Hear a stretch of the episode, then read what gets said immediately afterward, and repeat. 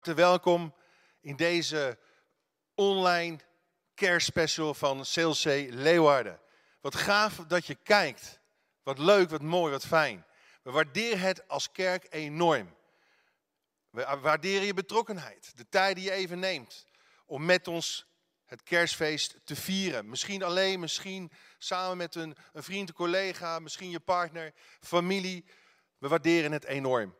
En weet je, misschien ben je al aan het genieten van alle filmpjes, van ons muziekteam, van de goddelijke stem van Dwight Dissels, laten we eerlijk zijn.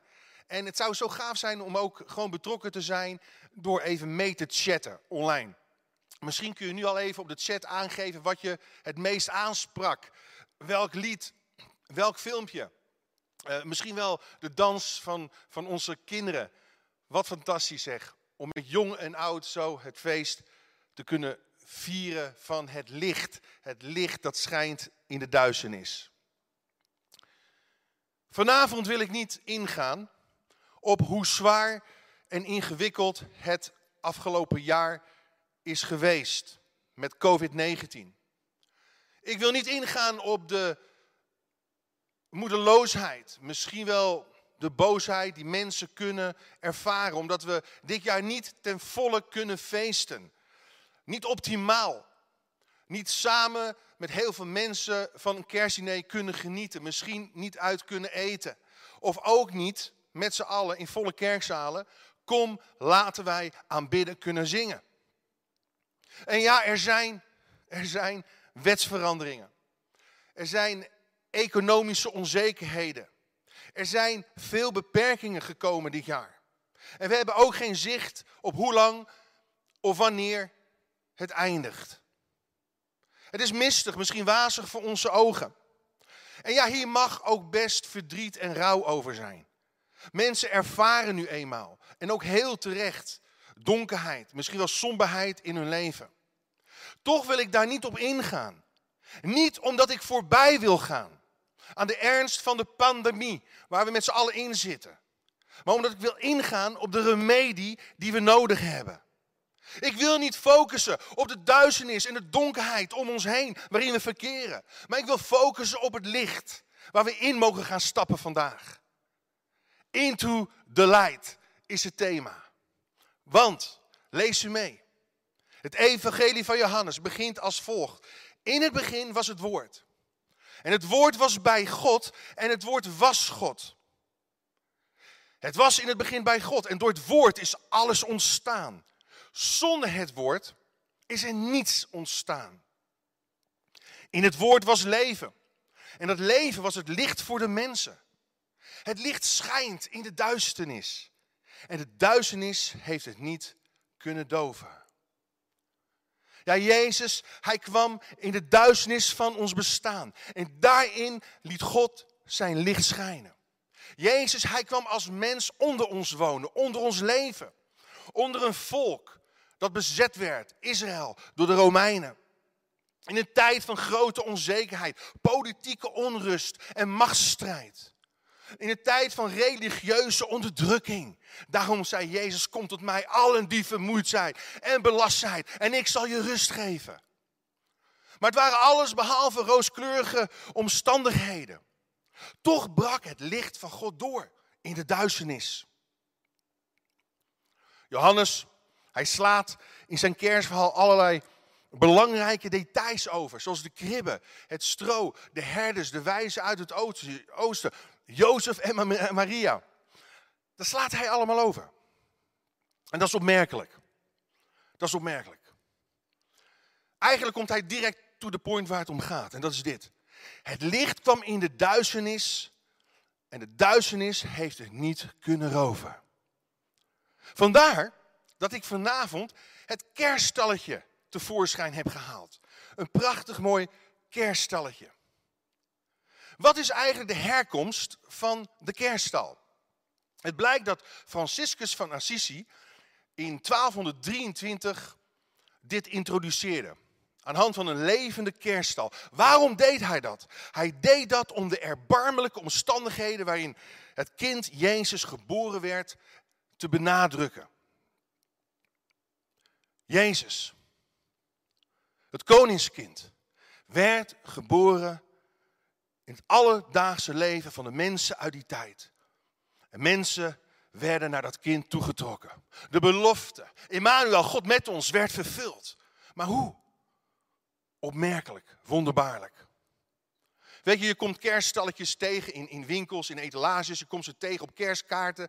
Je komt kerststalletjes tegen uh, onder kerstbomen. Misschien wel op, op, op, op de koffietafels bij mensen thuis. Tegenwoordig tref je zelfs eigentijdse kerstfiguren aan.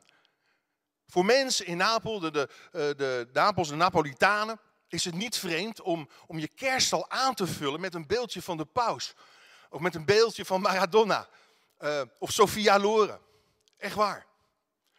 En, en, en ja, dat gaat mij een beetje te, veel, te ver. Je kunt het je afvragen, is dat kunst of is dat kiets? In ieder geval, uh, zelfs uh, hoorde ik dat, dat uh, bepaalde Italianen hadden een, een beeldje van Barack Obama neergezet bij die kerststal. Nou, dat maakt het voor mij geen kerststal meer. Maar goed, wat maakt dan een kerststal tot meer dan een stal?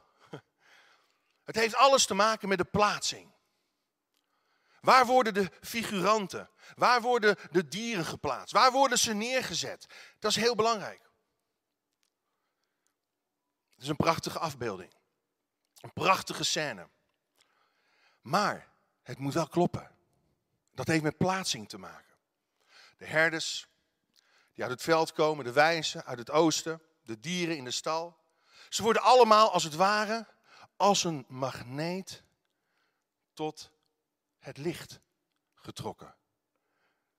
Het licht schijnt in het duister. En de ster bleef staan boven de plek waar Jezus geboren werd. De koning der koningen. Jezus staat centraal. Jezus staat in het middelpunt. De clue is dus dat Jezus centraal staat.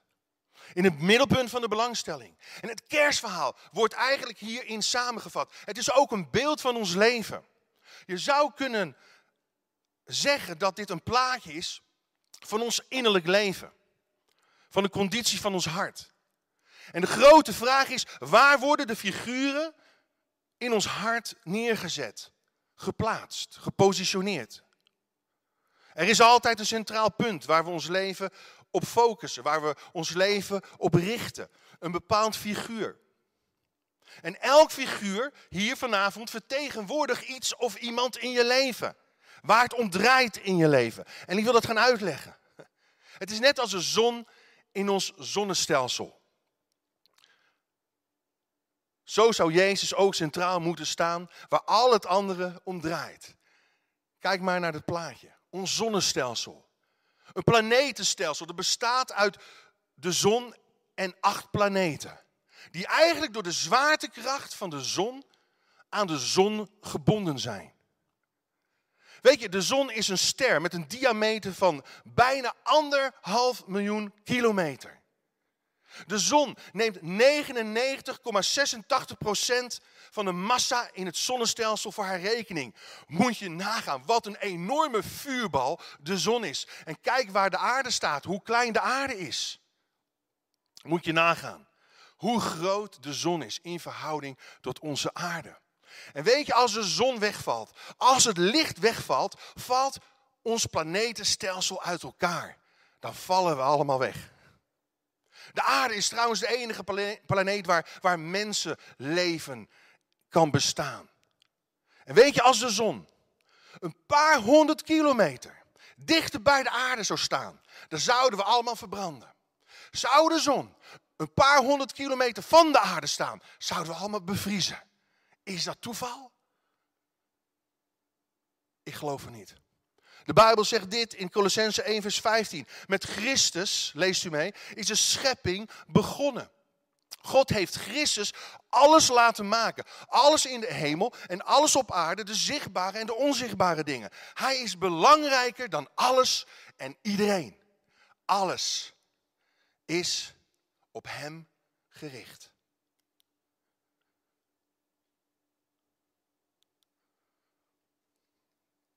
Dus, Zoals de plaatsing van de zon van cruciaal belang is in onze atmosfeer. Zo belangrijk is de plaatsing van de figuren in de kerststal van ons leven. Het gaat niet zozeer om de prachtig mooie stukken die hier staan. Het gaat om de plaatsing ervan. Waar zet je ze neer? We kunnen Jezus wel in ons leven hebben, maar welke plaats neemt daarin? Waar zet je Jezus neer? Je kunt misschien een beetje gelovig zijn, een, christelijke opvoeding hebben gehad, af en toe misschien wel in de Bijbel lezen of af en toe naar een preek luisteren. Maar toch kan er iets niet kloppen. In de afbeelding van je stal, in de scène van je leven, in, het plaatje van je leven. Je loopt vast in je relaties, je loopt vast in je manier van denken. Je, je loopt vast misschien wel in, in je relatie tot je kinderen, in je relatie tot je collega's. En, en het plaatje klopt niet meer. Wie of wat kunnen de figuren hier van deze kerststal eigenlijk vertegenwoordigen in ons leven? Laten we daar even naar kijken. Want we zien natuurlijk Maria en Jozef. In eerbied, in ontzag voor dat kind, Gods zoon. Maar Maria vertegenwoordigt eigenlijk persoonsverheerlijking in religie. Stel je voor dat we haar op de plek gaan zetten waar Jezus staat. We gaan het van religie verwachten. We gaan het van onze goede werken, onze goede daden verwachten. We proberen door middel van een persoon, een heilige, een mens die tot heilige verklaard is door andere mensen, proberen we contact met God te krijgen. We gaan eigenlijk buiten Jezus om, naar God toe. Maar we lopen tegen obstakels, tegen muren aan. Het werkt niet. Het functioneert niet. Misschien denk je door bepaalde rituelen gezuiverd te worden, gereinigd te worden. Door, misschien wel door middel van yoga. Hé, hey, ik geloof dat we dingen weer op een plek moeten zetten. Jezus in het centrum. Jezus is de middelaar tussen God en mensen. Niemand anders dan Hij. En dan de herders. De herders vertegenwoordigen misschien wel je baan, je werk. Uh, de herders. Zij vertegenwoordigden de, de werkende, harde klasse van de maatschappij in die tijd. Ze hadden een ruw bestaan, een hard bestaan. Oh ja, en soms zijn we zo gek op ons werk. We worden opgeslokt in ons werk. We zien niets anders meer dan ons werk, ons werk, ons werk. En Jezus verdwijnt naar de achtergrond. Wordt van zijn plaats gehaald. Hij is er nog wel. Jezus is, hij ligt hier nog wel. Hij, hij bevindt zich nog wel in het plaatje, maar je ziet hem niet meer. Het werk gaat voorop. Ten koste van alles. En natuurlijk is werken een noodzakelijkheid en een, een heel groot goed in ons leven. Maar niet als je er helemaal in opgaat. En dan natuurlijk, wacht even, de herders gaan weer terug. We gaan weer wat dingen anders plaatsen hier. Even terug op de plaats. Wacht even, waar? Jezus, Jezus. Nou, weet je wat? We zetten hem nu even hier, want kijk. Oh, oh de wijze uit het oosten. De intellectuele elite. Oh, de wetenschap. Natuurlijk. Hey, ik geloof in de wetenschap, hè. Ik geloof in, in het belang van de wetenschap. Dankzij de wetenschap uh, is de kwaliteit van ons leven enorm bevorderd. Ik geloof in de medische wetenschap. Maar wacht even, waar, waar wordt het kind geplaatst? De wetenschap, de status. Het staat symbool, het vertegenwoordigt rijkdom, welvaart. En natuurlijk, ze brachten goud, wierook en meren. Omdat ze erkennen dat Jezus koning, priester, profeet was. De koning, priester, profeet van Israël. Maar wacht even. Als Jezus op de achtergrond verdwijnt, de wetenschap voorop, dan solliciteer je voor teleurstelling in je leven. Want de wetenschap kan je niet redden van je zonde, van je tekortkomingen, van je fouten, van je misère, van je duisternis. Wetenschap kan je niet verlossen, bevrijden van de machten van het kwaad die rondgaan in deze wereld. Alleen Jezus Christus kan dat. Jezus uit Nazareth, die geboren werd in Bethlehem. De wijze uit het oosten, oh ja, welvaart. We maken ons wel wijs dat, dat niet alles draait om geld. Maar toch kunnen we hartstikke vastlopen, stuk lopen. Omdat we doorboord worden met, met zorgen vanwege, vanwege financiële omstandigheden. En we vertrouwen God niet meer. We vertrouwen de mammon meer dan God. Weet je, de hele mensheid ziet uit naar een vaccin. Vanuit de medische wereld. Tegen het coronavirus. Maar het vaccin dat de wereld pas echt kan redden van het kwaad, van haar zonde, zit in het leven, in het bloed van Jezus Christus, de Zoon van God. Dus wacht even. Iets weer naar achteren. Alles weer op zijn plaats zetten. Alles weer op zijn plaats. Maar dan, ben nog niet klaar, Jozef en Maria. Zij vertegenwoordigen familie, relaties, daar draait alles om. Ik heb een vraag, kan jouw vrouw of jouw man jou 100% gelukkig maken? Nee, never nooit niet. Geen mens kan jou 100% gelukkig maken. Waarom verwacht je het nog van mensen? Misschien wel van je gezin, van je familie, van je vader of je moeder. En weet je, heel vaak gebeurt er dit. Die worden op de voorgrond gezet. Je sociale contacten, sociale media. Weet je, ook je kinderen kunnen de plek van Jezus in jouw leven niet innemen. Niet in de zin dat ze jouw leven kunnen vervullen. En heel vaak projecteren we onze verwachtingen, onze ideaalbeelden op mensen. En verwachten van mensen dat ze ons tegemoet komen in wat wij nodig hebben. Oh, als ik een vriend heb, dan pas kan ik me bevestigd voelen. Dan pas kan ik me aanvaard en geliefd voelen. Nee, alleen God kan ons ten volle bevestigen, ten volle bevredigen en vervullen door de kracht van zijn Heilige Geest. Door zijn tegenwoordigheid in ons leven. Je behoefte aan erkenning kan niet door een gezinslid opgevuld worden. Door een familielid. En ja, daarom worden we ook teleurgesteld keer op keer. Want onze verwachtingen lopen op niets uit. Het plaatje klopt niet. Dit plaatje klopt niet. We zetten bepaalde mensen in het centrum van ons leven. En verwachten dat ze ons gelukkig kunnen maken. Dat werkt niet. En dan de dieren. Ja, we hebben hier ook nog dieren, met dieren te maken. Ja, misschien denk je, ja, maar wacht even, dat, dat, dat gebeurt niet bij mij. Hoplakee. Hopla, nog een schaapje erbij. Even kijken, een mooi, mooie koe die hier ligt, een ezeltje. Misschien was er ook wel een herdershond, ik weet niet. De dieren, de dieren vertegenwoordigen onze hobby's. Wat we leuk vinden in onze vrije tijd om te doen. Dieren, die zet ik, nee, die zet ik niet, die zet ik niet in de plaats van Jezus. Hey, ik heb even op Facebook en Instagram gekeken. Ja, kijk, onze Rhodesian Ridgeback, die staat er ergens. Weet je, het opvallende is dat zelfs honden complete kerstkostuums krijgen aangetrokken. Kerstkostuums. En ze veranderen in een of andere eland. Hey, maar het kan ook je, je, je healthclub zijn. Het kan ook je voetbalclub zijn. Waar alles omdraait. Alles omcirkelt. Je verwacht het alleen nog maar van Kambuur, weet je wel. Al je hoop op, heb je op je clubje geplaatst. Ach, maar dan hebben ze weer verloren. En dan gaat je geluk, dan gaat je vreugde, dan gaat je feeststemming. hey, weet je wat we moeten doen, lieve mensen? We moeten elkaar helpen om de dingen weer op de juiste plaats te zetten. Te rangschikken, te ordenen. Wie staat centraal? Voor wie gaan we knielen? Voor wie gaan we buigen? Wie gaan we eren? Voor wie, voor wie willen we ons inzetten, ons toewijden. Weet je, in het kind en door het kind laat God zien dat Hij in onze huid is gekropen. Dat Hij met ons mee kan voelen. Dat Hij om ons geeft. Dat Hij voor onze dood is ingegaan. De straf heeft gedragen die wij verdiend hebben. En daarom is Jezus belangrijker dan wie dan ook. En daarom is Hij de moeite waard om te aanbidden, om te volgen. Jezus zei, ik ben in de wereld. Lees u mee.